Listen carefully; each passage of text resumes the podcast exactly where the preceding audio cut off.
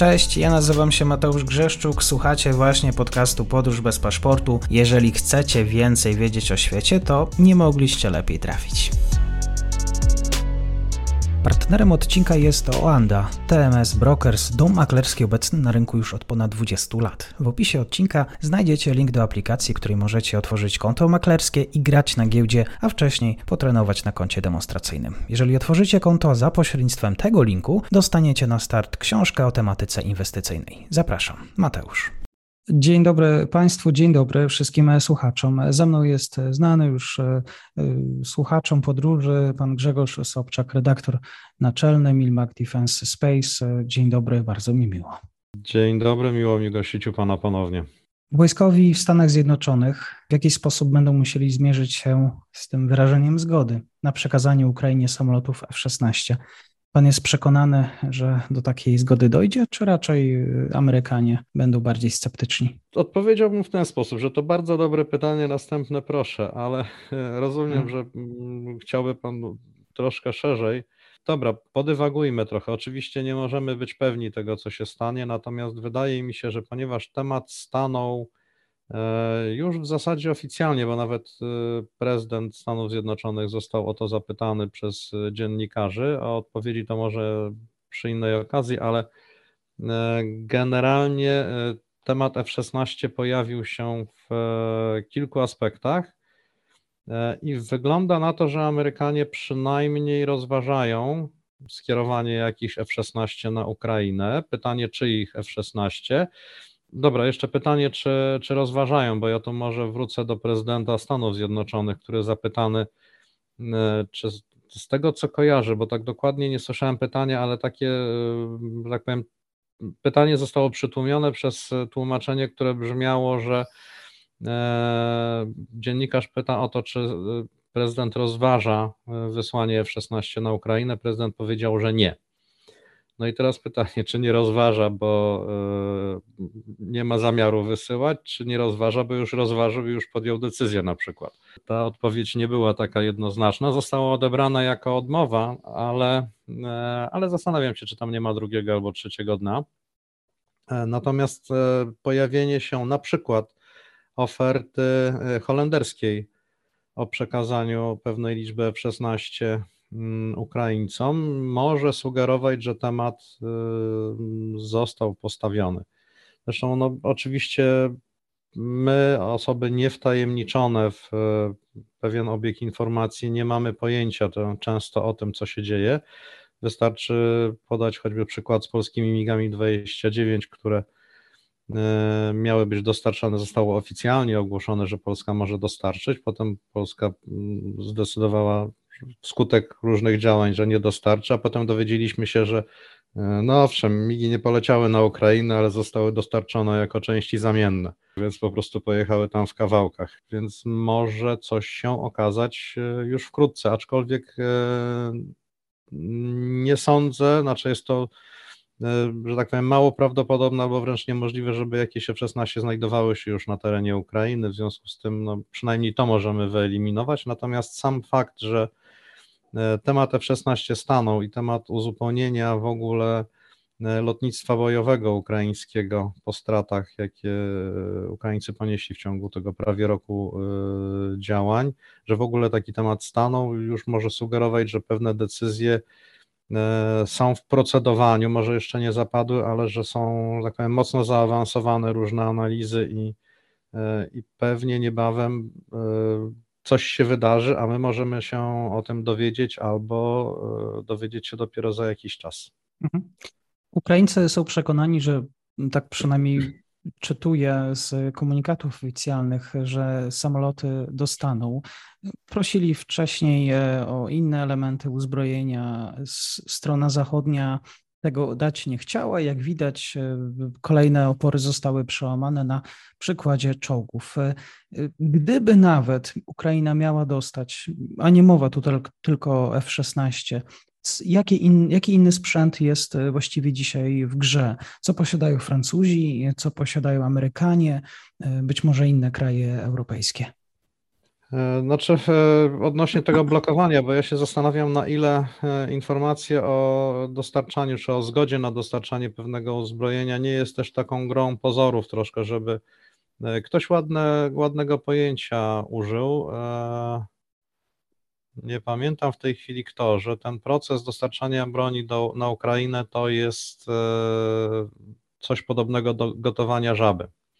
Znaczy żaby nie gotuje się wsadzając jej do, ją do wrzątku, tylko gotuje się wsadzając ją do zimnej wody i stopniowo tą wodę podgrzewając. I właśnie e, przekraczanie kolejnych czerwonych linii, które wyznaczył e, Kreml, że tego uzbrojenia nie można dostarczać, bo to już będzie eskalacja ponad miarę, potem następnego i tak dalej, i tak dalej. A widzimy, że to, te rodzaje uzbrojenia trafiają na Ukrainę i żadnych większych konsekwencji e, nie wywołują. Natomiast jeśli chodzi o zamienniki, powiedzmy w cudzysłowie F-16, e, Trudno mi jest powiedzieć w tej chwili, jak wyglądają rezerwy sprzętowe czy zapasy sprzętu zmagazynowanego, takiego, który byłby wycofany z użycia, ale tak, na przykład Francuzi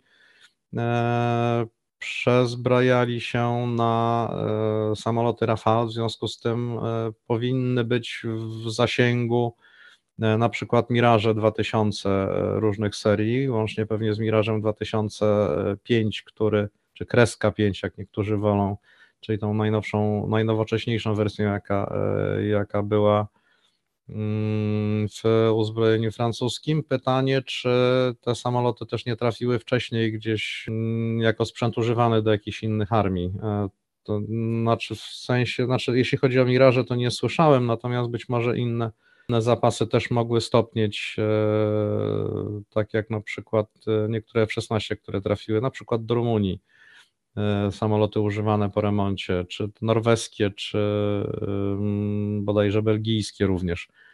E, natomiast dobrze, Francuzi e, Mirage 2000, Brytyjczycy kilka lat temu pozbyli się Tornad ze swojej floty. Pytanie, czy one, te samoloty zostały już zezłomowane. One nie były przekazywane innym użytkownikom, z tego co pamiętam, więc być może stoją gdzieś e, czekając na swój ostateczny koniec, być może dałoby się je przywrócić do, e, do latania. E, I to jeśli chodzi o sprzęt europejski. Niemców nie analizuję, chyba z wiadomych przyczyn, ale tutaj też w grę wchodziłyby ewentu ewentualnie Tornado, bo nie sądzę, żeby przynajmniej na tym etapie któreś z państw europejskich pokusiło się o przekazanie Ukrainie Eurofighterów. Mhm. E, to jest chyba zbyt nowoczesny sprzęt, jak na e, przynajmniej ten etap e, konfliktu. Natomiast jeśli chodzi o Stany Zjednoczone, to tutaj, ha, nawet swego czasu, już dobrych kilka miesięcy temu, pojawiły się w internecie takie filmiki o A-10, tych słynnych przeciwpancernych samolotach, znaczy przeciwpancernych, powiedzmy szturmowych samolotach amerykańskich, które tak naprawdę od, no zaryzykuję stwierdzenie, że od paru dekad już przechodzą proces permanentnego wycofania z e, użycia przez e, e, lotnictwo Stanów Zjednoczonych i ciągle w tym uzbrojeniu pozostają. Więc wydaje mi się, że może właśnie A10 też byłby brany pod uwagę. Mm, natomiast no, taki filmik się pojawił, to w troszkę precyzyjniejszej analizie wychodziło, że to jednak jest animacja komputerowa, ale powiedzmy, e, no, w, mm, jeśli chodzi o e, grafikę komputerową, to już się udało te A10 na Ukrainę wysłać. Hmm. Wprawdzie fizycznie ich nie ma, ale ale możemy się zastanawiać, czy to nie byłoby też dobre rozwiązanie w, w, sytuacji, kiedy Rosjanie e, dysponują dużą przewagą, jeśli chodzi o liczebność broni pancernej, to e, taki samolot, który jest wyspecjalizowany w zwalczaniu broni pancernej, e, mógłby być też ciekawym rozwiązaniem.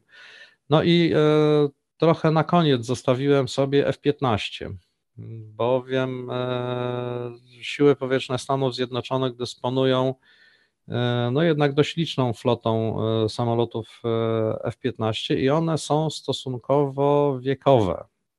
Nawet te najnowszej produkcji mają już za sobą, no, powiedzmy, no tak za dwie dekady można by, można by zakładać, jeśli nie więcej. W związku z tym Amerykanie, biorąc pod uwagę wolę przezbrojenia na nowy, na nowy sprzęt, mogliby podjąć decyzję o udostępnieniu właśnie tych samolotów, które mogłyby również wykonywać pewne zadania, do których F-16 no, nie jest specjalnie stworzony, a myślę, że mógł, znaczy tego rodzaju zadania mogłyby się, e, znaczy możliwość zaspokojenia tego typu potrzeb, może tak powiem, e, mogłaby e, Ukraińcom pomóc, aczkolwiek mało ostatnio słyszymy o działaniach lotnictwa rosyjskiego. Jeszcze kilka miesięcy temu było tych informacji trochę więcej, ale nie wiem, czy to jest spowodowane tym, że lotnictwo rosyjskie zmniejszyło swoją e, intensywność działania, czy może po prostu my, znaczy coraz mniej informacji na ten temat jest przekazywanych, bo one nie stanowią jakiegoś, e, że tak powiem, no mówiąc nieładnie, e, newsa, czyli czegoś, czegoś niezwykłego, że to może po prostu na tyle spowszedniało, że te informacje przestały do nas, do nas docierać, bo są uznawane za mało interesujące. Pojawia się również wątek szwedzkich gripenów. Nie jestem ekspertem, wiem tyle, że to jest lekki myśliwiec wielozadaniowy. Czy może Szwedzi by tutaj skusili się przekazać go Ukrainie? Powiem szczerze, nie słyszałem e, takiego pomysłu, ale rzeczywiście teoretycznie e, byłoby to możliwe. Wprawdzie nie ma państwa, które pozbywa się tych samolotów w tej chwili. Wiemy, że na przykład Czesi podjęli decyzję o zastąpieniu swoich Gripenów e, przez F-35, ale to dopiero decyzja zapadła, w związku z tym e, te samoloty w czeskich siłach powietrznych jeszcze kilka lat spędzą. Być może Szwecja podjęłaby decyzję na przykład o przekazaniu części swoich samolotów to jest bardzo ciekawa konstrukcja, bowiem ona była planowana do takiego dość autonomicznego funkcjonowania i pewne cechy eksploatacyjne niewątpliwie przydałyby się Ukraińcom. Chodzi mi tutaj w szczególności o zdolności do operowania z tak zwanych drogowych odcinków lotniskowych. E, pamiętam z czasów, kiedy Gripen był oferowany polskim siłom powietrznym, E, Szwedzi bardzo mocno promowali ten e, aspekt i bardzo szeroko go e, prezentowali i to rzeczywiście wygląda tak, że wystarczy kilka samochodów średniej wielkości, pick-up, taki trochę większy samochód dostawczy, jeszcze może jakiś samochód z cysterną z paliwem, są w stanie obsłużyć taki samolot właśnie Gripena na lądowisku polowym, takim dostosowanym odcinku drogi są w stanie przygotować samolot, od, licząc od lądowania do startu w ciągu kilkunastu minut. Są w stanie w pełni odtworzyć, w pełni odtworzyć gotowość bojową, czyli zatankować go, podwiesić e, uzbrojenie na wszystkich węzłach podwieszeń e, i samolot wraca, e, wraca do walki. To jest niewątpliwa zaleta Gripena. Natomiast no, zobaczymy, co co do e, sił powietrznych Ukrainy trafi, myślę, że byliby zadowoleni z każdego sprzętu, który, który pozwoliłby im stanąć do równorzędnej walki z e, lotnictwem rosyjskim. Praktyce dla tych osób, które e, nie wiedzą, nie śledzą konfliktu, przekazanie samolotów Ukrainie zdecydowanie zmieniłoby jej sytuację strategiczną, również planowanie tego, co się dzieje na froncie. Samoloty są ważne, niebo ukraińskie jest bardzo ważne. Tak, zgadza się. E, rzeczywiście obrona przestrzeni powietrznej jest, e, no, rzekłbym, kluczowym elementem. Stąd też właśnie decyzja o udostępnieniu Ukrainie e, nowoczesnych środków obrony przeciwlotniczej, łącznie z wysłaniem patriotów, na, czyli wyrzutni systemów obrony przeciwlotniczej Patriot. Natomiast e, rzeczywiście Ukraińcy do tej pory opierają się wyłącznie na samolotach, które były w ich posiadaniu, tudzież typów, które były w ich posiadaniu przed wybuchem wojny. Natomiast e, wszelkie zasilenie nowym sprzętem wiązałoby się z przejściem na e, samoloty produkcji zachodniej, czy byłyby to Gripeny ze Szwecji, czy F-16 z któregokolwiek państwa zachodniego, to y, wiąże się z pewnym Ha, znaczy na pewno będzie to wyzwanie i na pewno będzie to duża zmiana dla lotnictwa ukraińskiego. I poza samym faktem, że tak powiem, zwiększenia możliwości obronnych, to będzie również wyzwanie natury logistycznej, natury technicznej, obsługowej, ponieważ sprzęt zachodni obsługuje się w troszkę inny sposób niż sprzęt, tak powiem, proweniencji rosyjskiej, przy czym e, no, to nie jest tak, że to jest niemożliwe do przyswojenia, a w warunkach bojowych, jeżeli istnieją dodatkowe bodźce e, stymulujące do szybkiego e, absorbowania nowej wiedzy, to myślę, że Ukraińcy sobie z tym poradzą w dość krótkim czasie ale e, rzeczywiście tak, podniosą skokowo e, zachodnie samoloty możliwości obrony przestrzeni powietrznej nad, nad Ukrainą, aczkolwiek na przykład ciężko mi wyobrazić sobie, żeby były używane na przykład do samoloty właśnie te dostarczane przez Zachód były używane do obrony na przykład przed tymi irańskimi latającymi bombami tak naprawdę, no, amunicją krążącą, ale taką stosunkowo prymitywną. E, natomiast no, jest wiele, wiele zagrożeń, które rzeczywiście samoloty mogą no, przynajmniej zmniejszyć, jeśli nie wyeliminować. My mamy w posiadaniu jakie sztuki maszyn? Polska ma w tej chwili 48 e, F-16 w wersji C i D. Blok 50-52 to są prawie najnowsze. W tej chwili wchodzą do służby F-16 Blok 70. E, nasza generacja jest troszkę starsza, no ale proszę pamiętać, że My przyjmowaliśmy pierwsze egzemplarze w 2006 roku, z tego co pamiętam, więc e, troszkę czasu już upłynęło. Natomiast i tak te samoloty, które my mamy, te F-16, które mamy, są nowocześniejsze niż e, F-16, które są wykorzystywane w siłach powietrznych e, Stanów Zjednoczonych na przykład. E, Europejczycy, czyli Belgowie, Holendrzy upgrade'owali swoje, modernizowali swoje samoloty, instalując wiele systemów, które nasze F-16 mają. Grecy, którzy mają podobne e, samoloty do naszych, dysponują mniej więcej podobną, e, podobną wersją. Natomiast nasze no, są jednymi z najnowocześniejszych, poza tymi, które są w Emiratach Arabskich, blok 60 i tymi właśnie blokiem, blokiem 70, który teraz wchodzi do służby, to e, polskie, że tak powiem, są e, bardzo nowoczesnym środkiem, e, środkiem walki. I tak naprawdę trudno mi sobie wyobrazić, żeby właśnie polskie F-16 do, na Ukrainę trafiły. Bardzo dziękuję za dzisiejsze spotkanie. Moim gościem był pan Grzegorz Sobczak. Milmak, jeszcze raz bardzo dziękuję. Do usłyszenia. Dziękuję bardzo. I to już koniec na dzisiaj. Zapraszam na profil podcastu Podróż bez paszportu na Facebooku, Instagramie i Twitterze. Zachęcam też do wsparcia mojej pracy na serwisie Patronite oraz Buy Coffee. Do usłyszenia.